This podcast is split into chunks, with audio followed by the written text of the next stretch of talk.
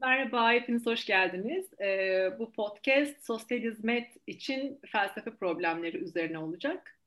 Ee, ben Sara Nilgün Aldoğan, Hacettepe Üniversitesi Sosyal Hizmet Bölümünde doktor öğrencisiyim. Ee, konuk olacağımı zannediyordum ama e, Umut Hocam bugün konuk olmayı tercih etti. Bundan sonra ee, programı sen sunacaksın yani. Evet. hafifletmek için. evet. E, her ne kadar kaçmaya çalışsam da başaramayacağım sanırım. Yok, Bundan yok. sonra e, bir terslik olmazsa şayet e, sosyal hizmet e, içerisindeki felsefe problemlerini bu podcast'te devam ettireceğiz. E, ben kendimi kısaca tanıttım. E, şimdi biraz hepiniz gerçi onu tanıyorsunuz ama yine de belki ilk kez dinleyenler olabilir aranızda. Umut Hocam azıcık kendinden bahsetsin. Ben e, herkesin başına podcast belasını saran diyebilirim. Umut Umut Yanardağ, e, Purdur'da Mehmet Akif Aysel Üniversitesi'nde doktora öğretim üyesi olarak çalışıyorum. Sosyal hizmet uzmanıyım. E, Sarayda e, böyle bir çalışma yaptığı için teşekkür ediyorum. Genelde yani... körler sağırlar birbirini ağırlar gibi ilk programda konuk bulamayıp birbirimizi ağırlıyormuş gibi algılanmasın. Bu bir hakikaten ilk deneme kaydı. Hani böyle dizilerin sıfır önce bölümleri, pilot bölümleri olur. Bu da böyle bir bölüm ve e, konuk olduğum için de mutluyum ilk defa konuk oluyorum e, bir podcast'te e, ve sözü sana bırakayım. Ee, teşekkür ederim. Hocam aslında bence çok isabetli bir konuksunuz siz. E, çünkü yüksek lisans çalışmanızı e, Maltepe Üniversitesi İnsan Hakları bölümünde yaptınız. E, incelediğim kadarıyla yüksek lisans teziniz de bunun üstünde zaten. Hasta ee, evet hasta hakları üzerine ama insan hakları bağlamında devam etmiş. Dolayısıyla felsefeye hiç yabancı değilsiniz. O yüzden bence harika bir ilk konuksunuz benim için daha iyileri olabileceğini düşünüyorum. evet. Ee, şimdi hocam hemen şuradan girmek istiyorum aslında. Bu arada ben soruları yanıtlayan biri olmayayım. Soruları da ben sorabildiğim arada. Yani öyle bir şey olsa. Öyle istediğiniz kadar sorabilirsiniz. Çünkü kavram kimlik karmaşası yaşıyorum. Şimdi konuk olmak istemedim aslında ama sen de yalnız kalmak istedim biraz. Hani böyle bir şey. ee, ama e, öyle bir altını çizeyim olayın. Hani tamam konuşmayacağım daha. Ee, aslında biz karşılıklı konuşacağız ama ben e, hani sohbeti açayım diye aslında biraz da bu soruyu sorarak başlamak istiyorum. E, bildik yerden başlayalım, bilmedik sulara doğru yavaş yavaş açılalım. E, kolaylık olsun hep ilkimiz için de ve dinleyenler için de. E, sosyal hizmet için hep biz şöyle diyoruz. Sosyal hizmet bir insan hakları mesleğidir. Ee, ve bunu böyle bir motto gibi sürekli tekrar ediyoruz. Sosyal hizmet bir insan hakları mesleğidir. Sosyal hizmet insan haklarını temeli alan bir disiplin ve meslektir diye devam ettiriyoruz. Peki e, hiç insanı konuştuk mu? Yani soru aslında temelde insan nedirden başlamıyor mu? Evet, başlıyor. Ee, bu çok önemli diye düşünüyorum. Yani felsefenin nasıl işi kavramları konuşmak ya ve sanki hep burada eksik kalıyor gibiyiz ya. Madem insan hakları mesleğiyiz e, ve böyle bir disipliniz, o halde buradan başlayalım bence. Yani insan nedir sorusu, e, felsefenin de uzun süredir e, cevap aradığı, e, sürekli sorduğu, cevap alsa bile yetinmediği, sormaya devam ettiği bir soru. Madem ki sosyal hizmet insanla çalışıyor, o halde oradan devam edelim. İnsan nedirden başlayalım konuşmaya. Bence burada aslında şöyle bir şey yapmak da lazım. Neden insanla çalışıyor? Hani insan nedir'e gidecek yer neden insanla çalışıyoruz sorusunun e, götürdüğü e, yerdir belki de. Ben öyle düşündüm kafamda hep hmm. kavramsallaştırıyorum. Ama tabii önce şunu bir tartışmak da lazım tabii. Konu kavramı dağıtmak istemiyorum ama bir insan hakları mesleği midir? Hani bu da e, ya da insan haklarını bir söylemsel olarak üzerine geçirmiş bir meslek midir? Yani çok o da e, sorunlu bir şey çünkü mesela bu etik bilgisinin de Türkiye'de çok referans alındığı Amerika Birleşik Devletleri'nde sosyal hizmet bir insan hakları mesleği değil. Yani ne bileyim e, yani üç tane ülke var, dört tane ülke var etik kodlarında insan haklarına dayanmayan etik kodları. Bunlardan biri ABD. Ama ne ki komik ve e, yani trajik komik daha doğrusu bir durum ki biz sosyal hizmet eğitimini Amerika'dan almışız. Yani Birleşmiş Milletler marifetiyle gelip bize e, bilgiyi aktarmışlar.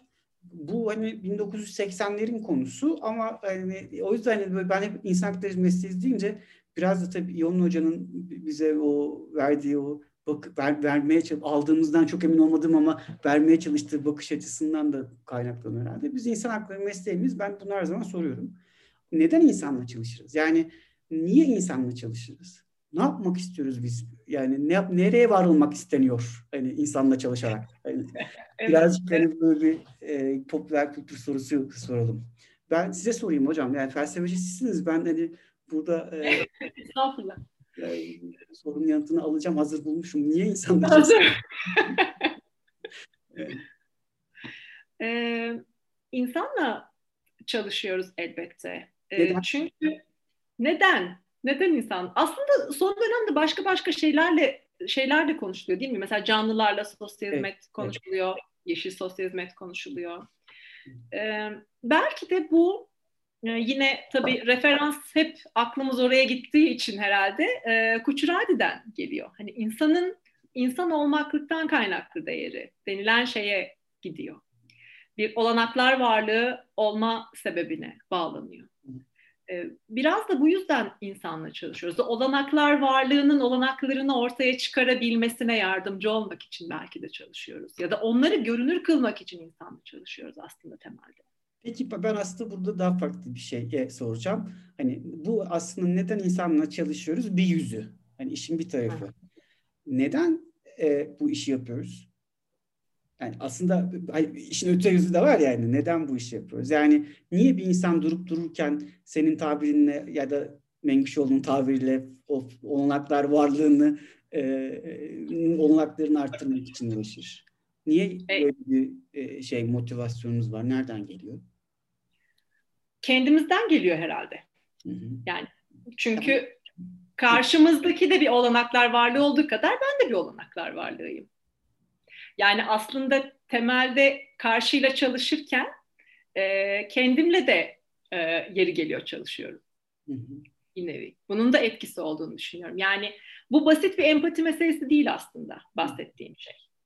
E, hepimizde ortak olan bu insan olmaklıktan kaynaklı e, nasıl diyeyim yapıdan ya da sonrasında belki bahsedeceğimiz değerden ötürü aslında karşı tarafla çalışıyorum.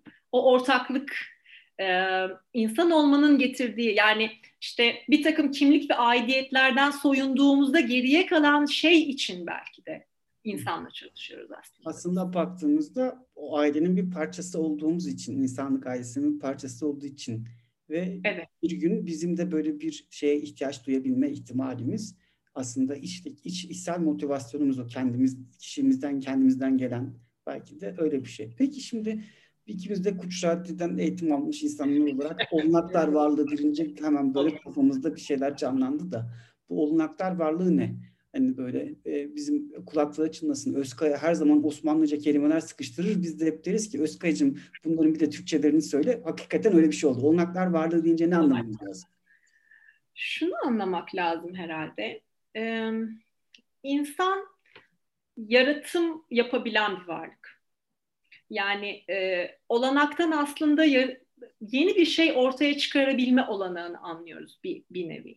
İşte Kuçuradi Hoca hep bunu söyler. Mesela insan bilim yapabilme olanağına sahip bir varlık. İnsan sanat yapabilme olanağına sahip bir varlık. İnsan felsefe yapabilme olanağına sahip bir varlık. İnsan sosyal hizmet yapabilme olanağına sahip bir varlık. Olanaktan aslında kastımız bu e, Aristoteles'in deyimiyle hani düşünen varlıklar olduğumuz için belki de bir tarafı oraya gidiyor. Düşünmek bize bir takım olanakları gerçekleştirme potansiyeli veriyor. Hı hı. Temelde biraz e, referansı burası e, olanaklar varlığı. Çünkü e, Mengüşoğlu diyor ya insan felsefi antropolojide hani hı. insan biyopsişik bir bütünlüktür diye. E, belki de işte o biyopsişiğin içerisindeki tabii sonra bunu sosyal hizmet genişletiyor işte biyo, psiko, işte sosyo, kültürel şeklinde onu eksik bularak genişletiyor. Ee, işte oradaki o biyonun arkasına gelen her şey insanın olanağı aslında. Onları gerçekleştirebilme olanağı. olanaklar varlığı dediğimizde anladığımız şey bu aslında. Peki o zaman şöyle bir şey daha hani burada konuyu açacağım için olaya yabancı ilk defa yabancı olmadığım bir felsefe tartışması içerisindeyim. Ee, e, insanı insan yapan özelliklerden bahsediyor takip ettim Memşoğlu. Fenomenolojik bir varlık diyor insana. Ee, böyle tanımladığımızda yani insanı insan yapan şeyler ne? Bizi e, tanımlayabilirken yani böyle e, fenomenlerle tanımlamak istesek ne söyleyebiliriz? Oradan belki onlar... Ne söyleyebiliriz hocam?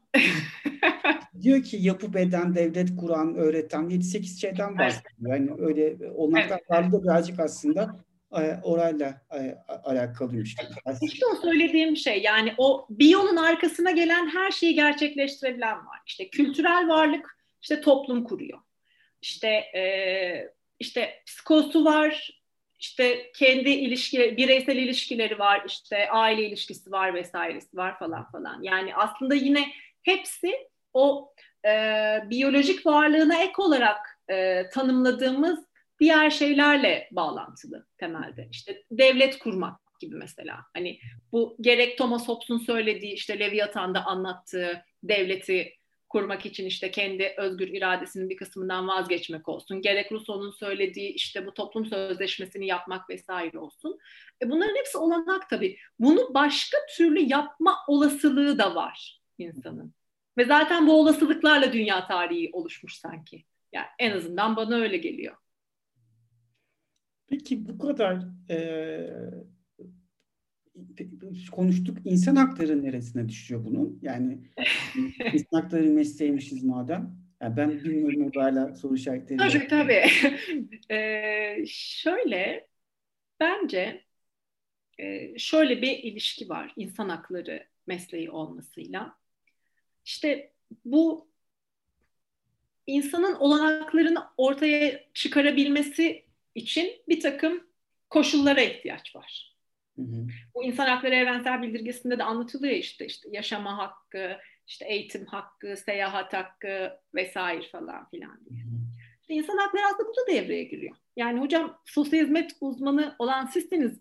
Sosyal hizmet insan haklarının neresinde devreye giriyor? Burada devreye giriyor işte. Niye? Çünkü... İşine gelince sosyal hizmetle alakası olmuyormuş gibi kenara çıkmak herhalde böyle Ben doktora yap, ya gerçi ben de doktora yaptım ama sen de doktora yapıyorsun hani şimdi öyle. Yapıyorum da. ee, tabii insan hakları mesleği. Çünkü işte o insan hakları şuraya düşüyor aslında. Ee, işte bu e, yine Mengüşoğlu'nun deyimiyle bütüncül yapı, konkret yapı diyor ya onu. Hı hı. O bütüncül yapının e, o sahip, o bütüncül yapısının bozulmaması için zaten bu haklara ihtiyacı var insanın. O yüzden böyle bir işte sosyal hizmetin e, de işte bu hakları e, koruyucu ya da korunamadığı dönemde o hakkı teslim edici bir etkisi var zaten. Oradan giriyor. Aslında şöyle hak nedir diye sorduğumuzda hani hak birine verilmesi gereken şey, insana verilmesi gereken şey de işte olanakların koruma ve geliştirme e, şeyi ve aslında herkes işte insan hakları evrensel beyannamesinin birinci maddesi işte e, eşit ve hani haklar bakımından özgür doğar hani, e, mevzusu e, burada bize bir alan açıyor. Ne alanını açıyor? Bazı e, düz, e, e, haklarının gerekleri yerine getirilmeyen ya da hakların gereklerine yönelik hareket edilmeyen e, gruplara e, ya da bireylere yönelik bir dizi düzenlemeyi, uygulamayı beraberinde getiriyor. Ve aslında sosyal hizmetin de insan hakları mesleği olması birazcık da burada. Yani aslında sosyal hizmetin yapıp etmeleri, bu yardım ilişkisi her ne kadar ABD'de bir faydacı bir zemine dayanıyor olsa da yani evrensel açıdan baktığımızda ve mesleği de böyle, böylece evrenselleştirebiliyoruz. Yani çünkü herkesin faydası farklı, faydaya bakışı farklı olabilir hakların gereklerini yerine getirmek. Yani insanların sırf insan olduğundan dolayı sahip olduğu ve tabi burada da human dignity, insan onuru kavramından da bahsetmek gerekiyor herhalde. E, çünkü insan onuru kavramı tarih boyunca farklı şekillerde e, açıklanmış. Kuçrati insan onuru için ne diyor hocam? Siz e, bu konuda e, ee, işte hakların, hakların gerekleridir diyor. Hani hakların evet. gerekleridir. İnsan onuru insanın sırf insan olduğundan dolayı sahip olduğu, biraz önce bahsettiğimiz olanaklardan e, dolayı sahip olduğu e, şeylerin e, gereklerin yerine getirilmesi, insan onurunun korunması, geliştirilmesi böyle bir. Evet. Diyor. Bu anlamda da aslında baktığınızda evrensel bir çerçeve e, yaratıyor bize. Dünyanın neresine gidersek gidelim sosyal hizmet nedir sorusunun yanıtını verebileceğimiz bir şey var.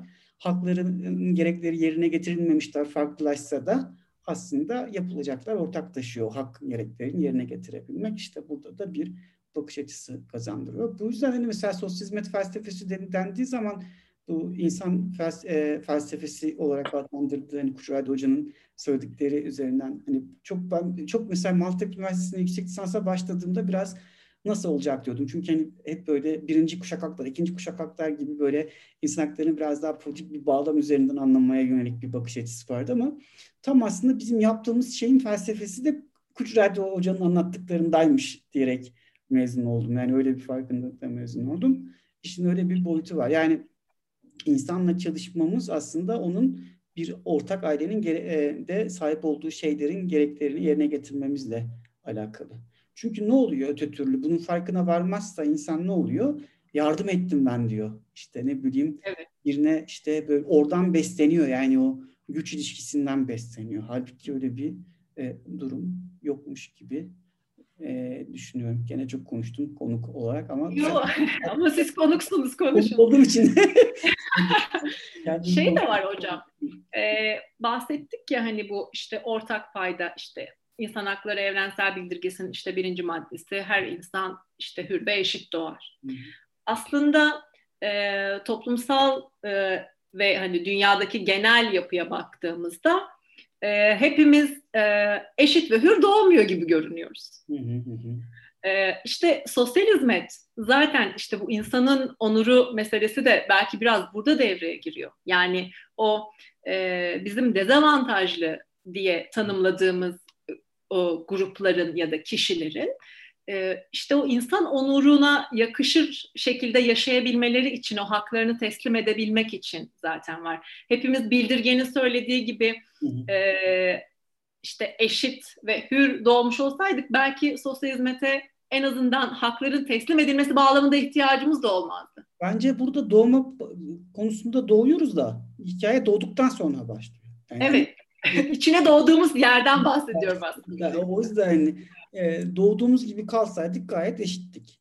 Yani hepimizin baktığında biyolojik ihtiyaçları bile birbirine benziyor. Yani tabii yani bir engele sahip olarak doğmak ve benzeri gibi şeylerden e, dışarıda tutarsak e, yani doğduğumuz dünyaya dair şeyler bizi aslında şekillendiriyor. Sonuçta bir de şöyle de bir durum var. Yani bir ihtiyaç mesleği olduğumuzu da reddetmememiz gerekiyor. Yani ne baktığınızda hep ihtiyaçları karşılama yönelik, bir problem çözmeye yönelik işte ana akım yaklaşımına genelci uygulama ne diyor? İşte problem çözme odağın, odağına problem çözmeyi alıyor.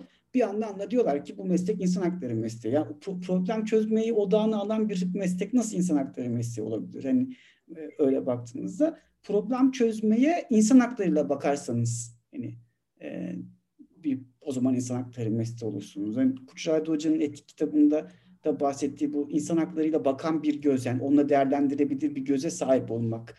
Bu şey hakimlerle mi ilgili bir bölümde öyle diyor. Yani doğru değerlendirmenin olanaklarını e, bulmak yani bu anlamda önemliymiş gibi e, geliyor. Bu bir de şey de hatırladım şimdi sen de bu kaydı yaparken e, felsefeciler de kadroları doldurmuş mu diyen bir tane arkadaş vardı hatırlıyor musun? Ha evet hatırlıyorum. tabii tabii Twitter'da. Onu bulursak ekleyelim izlesin dinlesin bu kaydı. E, onu hakikaten şimdi böyle e, öncesi sonrası gibi. E, Herkesin kendince kaydıları İkimizin bildiği şeyden bahsettik ayrıntı verelim. ne oldu? Anlatır mısın sen hatta sen teklediğin için? şöyle e, şimdi sosyal hizmet e, için şöyle bir şey yapılmıştı. Sosyal hizmet mesleği sosyal hizmet uzmanları tarafından gerçekleştirilmelidir. Öbür türlü işte etik ihlaller gerçekleşiyor gibi bir e, Twitter döngüsü vardı o dönemde. Ben de tezimi sosyal hizmet uzmanlarının etik karar verme süreçlerini etkileyen faktörler üzerine yaptığım için e, dedim ki bu çok önemli bir şey. Benim yaptığım araştırmadan çıkan böyle böyle sonuçlar var. Eğer bu işi sosyal hizmet uzmanları yapmazsa çok ciddi etik ihlallerle karşılaşılıyor. Hatta iyi eğitim almamış sosyal hizmet uzmanları da ciddi etik ihlallere sebep oluyorlar diyerek e, başladım. Hani dedim ben doktor öğrencisiyim, yüksek lisansımı burada yaptım filan deyince o da şey dedi. Yani bu da işte kendini bir çeşit tatmin yolu herhalde. Felsefeden mezun olup da gidip sosyal hizmette yüksek lisans doktora yapmak. Hani oradaki işte e, şeyleri kontenjanları doldurmak falan gibi bir şey yazmıştı. Mesela oradan çıkıyor Umut hocama da o zaman demiş hocam ne diyorsun filan diye. O da adı sanı belli olmayanlara cevap vermiyoruz hocam demişti. Hiç unutmuyorum onu. adı sanı belli değildi ama sonuçta böyle evet. bir şey var. Birazcık da aslında mesela şimdi bizim konuştuğumuz bir, e, hikaye birazcık felsefe, felsefe olmasaydı biz böyle bir şey konuşabilir miydik? Mümkün değil. Hani ve aslında ne yaptığımıza dair de bir yol bulamazdık. Yani hatta şimdi daha da bu neoliberal düzlemin mayınlı tarlasında mesleğimizi yapmak için e, kılı kırk yararak hareket etmeye çalıştığımız şu düzlemde neye ihtiyacımız olacak felsefeden başka? Hani şu, şu netlikle olaylara bakabilmek yani niye bu mesleği yapıyoruz sorusunun yanıtını e, kendimize e, hesaplaşarak verebilmek bence çok önemli. Bunu da kim yapacak? Tabii ki e, programın sahibi yapacak. E, programın sahibi konuşsun azıcık diyerek susuyorum. e, aslında insan hakları dediğiniz gibi belki konuya bir mercek, bir bakış açısı, bir gözlük ya da e, felsefeci olunca akıl hep felsefecilere kayıyor tabii. Thomas Kuhn'un söylediği gibi belki bir paradigma. Oradan temellendirmek. Yani e, neyin içerisinden konuşacağımızı doğru belirlemek. Yani eğer sosyal hizmet içerisinde e, haklarla ilgili bir şey konuşacaksak, kişilerin haklarını teslim etmekle ilgili bir şey konuşacaksak elbette ki bunun çerçevesini insan hakları bağlamında e, belirlemek gerekli. Bazıları bunu da çok eleştiriyor biliyorsunuz. İşte insan hakları çok genel bir kavram özellikle postmodernizm ve sonrası e, işte e, daha küçük, daha yerel, daha e, işte genel e, dizgelerden uzaklaşmayı gerektirecek e, konuşmalar yapmayı. Evet postmodernizmin de bize kazandırdığı çok e, şey var elbette ki ama ben bir postmodernist değilim.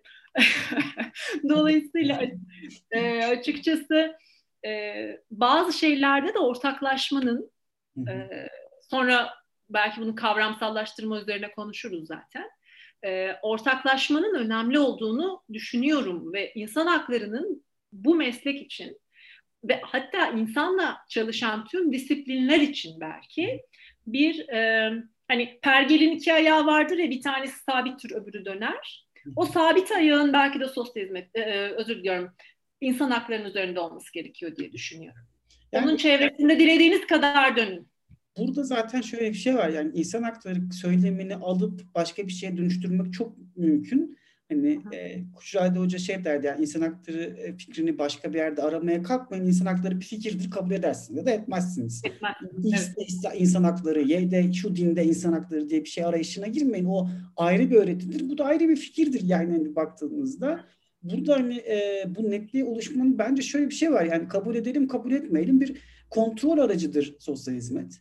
Hani buna bu aracı temize çıkartabileceğimiz en e, makul alan e, aracın da yol açtığı e, olumsuzluklara yönelik bir şeyler de yapabilecek bir e, söyleme sahip olmak. Yani siz eğer insan hakları mesleğidir derseniz makro uygulamayı da zorunlu kılacaksınız. Uygulama yapacaksınız. Ya da ne Hı. bileyim savunuculuk, sosyal aksiyon çalışmaları da yapacaksınız. Yani makro uygulamanın bir alt dalı olarak. Bir yandan diyorsanız ki insan hakları mesleği, bir yandan safi memurluk yapıyorsanız o zaman o insan hakları mesleği olmuyor. İnsan hakları mesleği sizi hani e, ortamlarda kurtarır. Hani ama yani insan hakları mesleği olmanın da bir sorumluluğu var. Hani getirdiği sorumluluk var. E, işte bence birazcık burada çatışıyor. Yani bir yandan bütün derslerde anlatıyoruz insan hakları mesleği. Alana çıkıyor.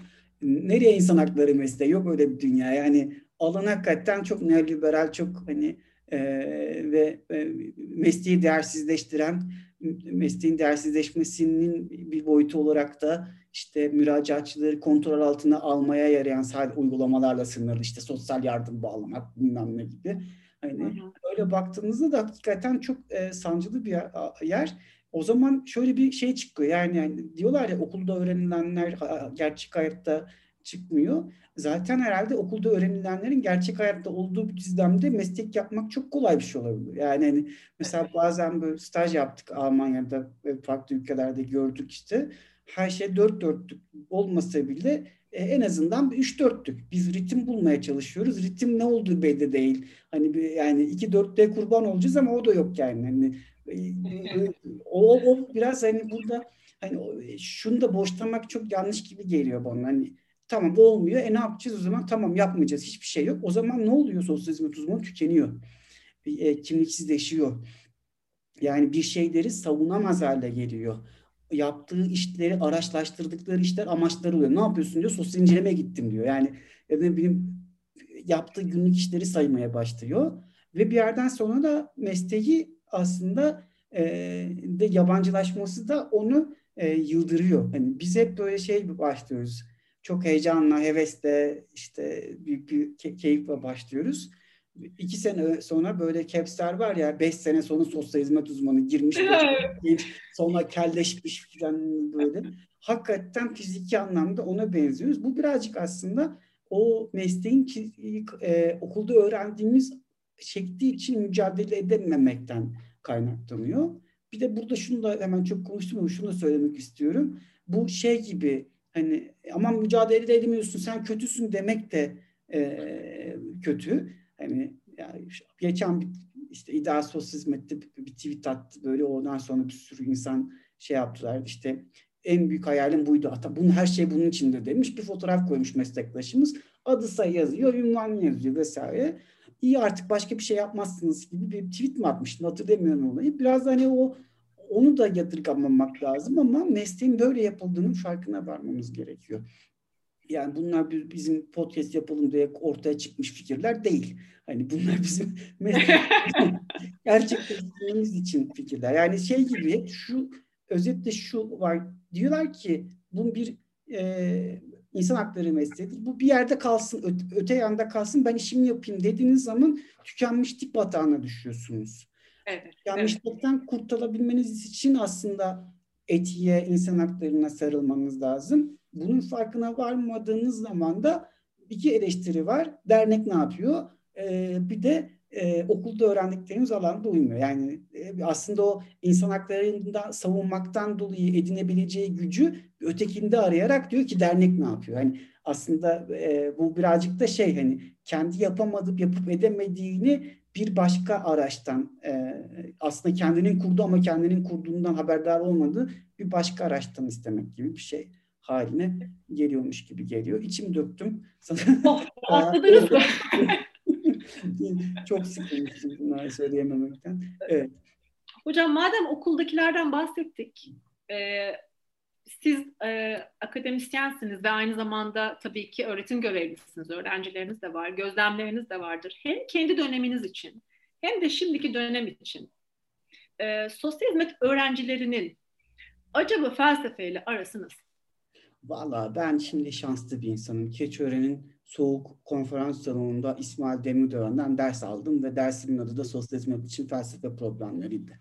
Yani bilmiyorum. Şimdi bu Bologna süreci sosyal hizmet eğitimini bir standarda bağladı ama sosyal hizmetin özgün e, e programlarının niteliğini de değiştirdi. Şimdi şöyle düşünün. Eskiden bireyle çalışma için ayrı staj yapılırmış, grupla çalışma için ayrı, toplumla çalışma için ayrı staj yaparlarmış. Daha eskilere gittiğinizde köy kalkınması yani bu mesleği Amerika'daki soğuk savaş döneminde şey diye düşünmüşler. Bunlar köy, köy eksenli bir millet köy kalkınmasına yönetelim. O zaman da tabii 60'lar toplum kalkınması falan o, çok popüler konular. Hemen burslar geliyor. Kongo Hoca öyle gitmiş falan. Yani kalkınma çalıştığı için doğum yüksek lisansa gitmiş sosyal hizmet falan. Ee, yani o döneme kıyasla şu an felsefe bir giriş dersi, zorunlu ders gibi ve e, bizim bence en büyük sıkıntımız V bağlıcı. Yani buradaki bu arada yani sözün meclisten dışarı kimse üzerine almasın. Ben küçük hocayım böyle büyük hocaların hadlerin, laf söyleme haddime düşmez. Öyle de bir beklen şeyim de yok yani. Yani haddimi bilirim o konuda. Yani herkesin şey, sınırlarını bilmesi lazım. Bence bu V bağlacı bizi bitiriyor. Yani her şeyi bir şeyle bağlamak. Öyle bir noktaya geliyorsun ki e, insan hakları ve sosyal hizmet diyorsun. Ya aslında o, ve aslında ayırır ya hani ikiye ayırır bizim e, tutup da insan haklarını ve bağlacıyla ayırabilecek bir düzleminizin olması sıkıntı. Yani felsefenin e, bir şekilde bizim içimizde olması gerekiyor. Yani o felsefe uğra felsefik uğraşın e, sosyal eğitiminin bir parçası haline gelmesi gerekiyor ki öğrenci bir şekilde e, bunu sorgulamayı yapabilir hale gelsin. Hani yani insan hakları mesleği diyorsan bütün hikayeni insan haklarına e, göre kurman gerekiyor. İşte ben planlı sosyal hizmet müdahalesi anlatırken işte ne yapıyoruz orada? Sorun, ihtiyaç, kim giderecek, nasıl yapacak? Bir madde daha ekliyorum. Hangi hakla ilişkili ve hakkın gerekliliği ne? Hani e, hakkın gerekliliği ne ve ben bu hakkın gerekleri ne kadar yapabiliyorum? Bu soruyu sormazsanız insan hakları temelli bir uygulama olmaz. Hani e, çünkü o zaman ne o olur? ihtiyaç. Bak nasıl başlıyor sorun. Yani bu sorun hangi hakla ilişkili demedikten sonra bu hakkın gerekliliği ne sorusunu sormadığında sorun çözümü odaklı olur. Ama hak, hangi hakkın gereklerini yerine getirdim derseniz hak temelli bir uygulamaya doğru dönüştürebilirsiniz. Ama işte bilmiyorum yani e, felsefe eğitim eğitim programları çok değiş değiştiğini düşünüyorum. Yani e, ve hani bence çok büyük bir kayıp sosyal hizmet için felsefe programları gibi bir dersin e, olmayışı. Yani e, o dersi kim herhalde Kuçradi Hoca koymuştur diye düşünüyorum yani bulmuştur ya da İsmail Hoca bilmiyorum hepsini saygıyla selamlıyoruz ama çok çok e, iyi bir dersti. Yani o derste yaptığımız tartışmalar e, benim mesleğe bakış açımı çok değiştirmişti. Üzerine bir de yüksek lisans yapınca insan hakları programında daha da e, farklı bakmaya başladım. O anlamda öğrencilerin öyle bir e, şey var. Bir de yani şimdi bir, ya şimdi kötüleyim azıcık. Hazır açıldı muhabbet ya şimdi kitap okumak ekstra bir şeymiş gibi oluyor. Yani o çok kötü. Ya bir kitap okuttuğunuz zaman puan ben artık öyle yapıyorum. E, kitap okuyunca artı puan alıyorlar. E, al, okumazsa almıyorlar. Hani e, kimseyi cezalandırmıyorum. Okuyanı değerli artı veriyor, puan veriyorum. Yani insanlara kitap oku deyince ders notu soruyor. Yani o da biraz hani bunun olduğu yerde nasıl felsefe olacak yani e, ya da sosyal hizmet eğitiminde felsefe düşüneceğiz. O bir muallak. Yani bir de tabii şöyle de bir şey var. Çok yoğun tempolarla çalışıyoruz. Yani her hoca nereye giderseniz gidin, kimle konuşursak konuşayım, herkesin ilk cümlesi ya ne kadar çok dersimiz var. Hani e, bu da bence bir e, problem. Hani e, biraz bu hocaların üzerinden yük alsınlar. Buradan yüke buradan yüke sesleniyoruz. Belediye başkanıma sesleniyorum. Öyle gibi oldu. gibi oldu. Ee, başkanım. Yani biraz hani böyle bir problemler var. Öğrenci de tabii bu iklimle geliyor. Hani çok sorgulamıyoruz o yüzden. Yani dersi anlattı, geçti tamam bitti yani. Onun da adresi yok. Birazcık bu sorgulama olanaklarını yaratmak gerekiyormuş gibi geliyor hocam. Yani bilmiyorum. O şey o da şeyde de çıkıyor aynı sorun. Ee, bunu konuşmuştum o zaman. Ee, yanılmıyorsam Kasım Hocam'la konuşmuştuk. Şey çok önemli e, bana sorarsanız. Mesela e, sosyal hizmette etik dersi alıyor ya öğrenciler. Yani sosyal hizmet etiği öğreniyorlar. Ama temelde etiğin ne olduğunu bilmiyorlar. Evet. Ama orada yani, bir böleceğim çok özür diliyorum. Meslek ahlakı anlatılıyor. Etik anlatılmıyor. Evet etik değil. Bunun etik kavgasını değil. çok yaptım hocam ama henüz yenişemedik. bir takım e, şeyler oldu. Daha ben öğrenciyim çok sesim çıkmadı belki falan filan ama evet yani mesleki ahlaklılık ilkeleri başka şeydir etik başka şeydir. Ee, evet. ya. Sevgili dinleyicilerim bunu belki bir gün konuşacağız. Bu çok önemli bir konu. Ben o programda ondan program senin zaten. Ben tamamen pilot program için geldim. Bu programdan sonra bir daha ne yaptın, ee, bunu niye eklemedin diye podcast sorumlusu olarak sana sorarım. Başka bir şey yapmam artık.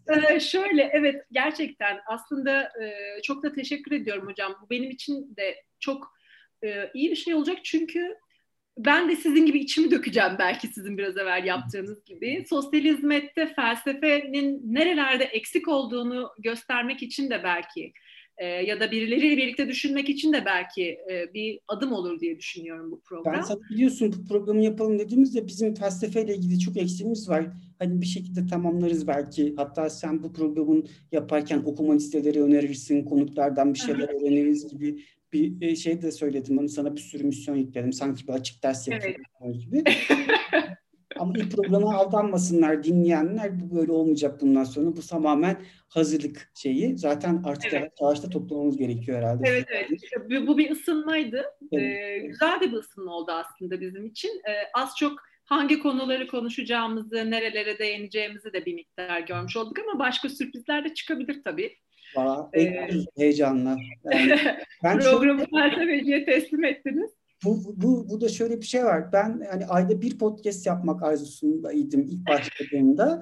Pandemiden dolayı aldı başını gitti. Şimdi de ayda bir podcast yapmak istiyorum. Çünkü Halk Sokak No 7 belgeseline başlayacağım ve çok zaman alan bir şey o.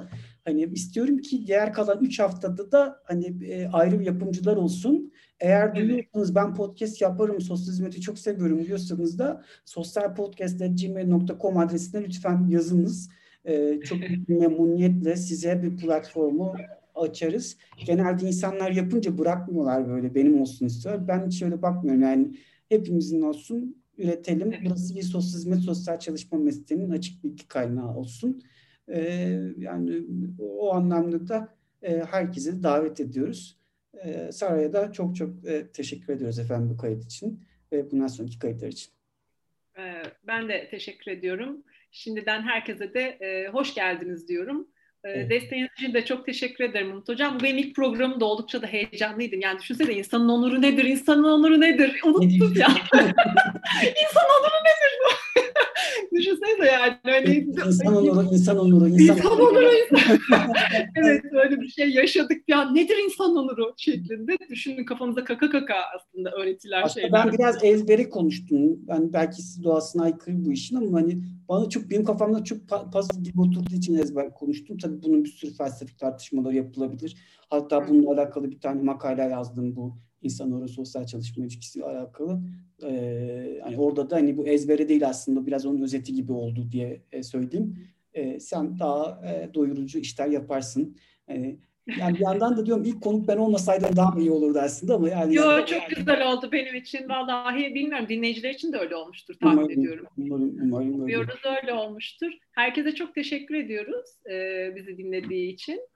E, umuyorum ki bir sonraki programda yeniden bambaşka bir e, sosyal hizmet içinde felsefe problemini konuşmak üzere buluşalım diyoruz. Herkese hoşçakalın diyelim o halde şimdilik. Hoşçakalın. Hoşçakalın. Görüşmek üzere.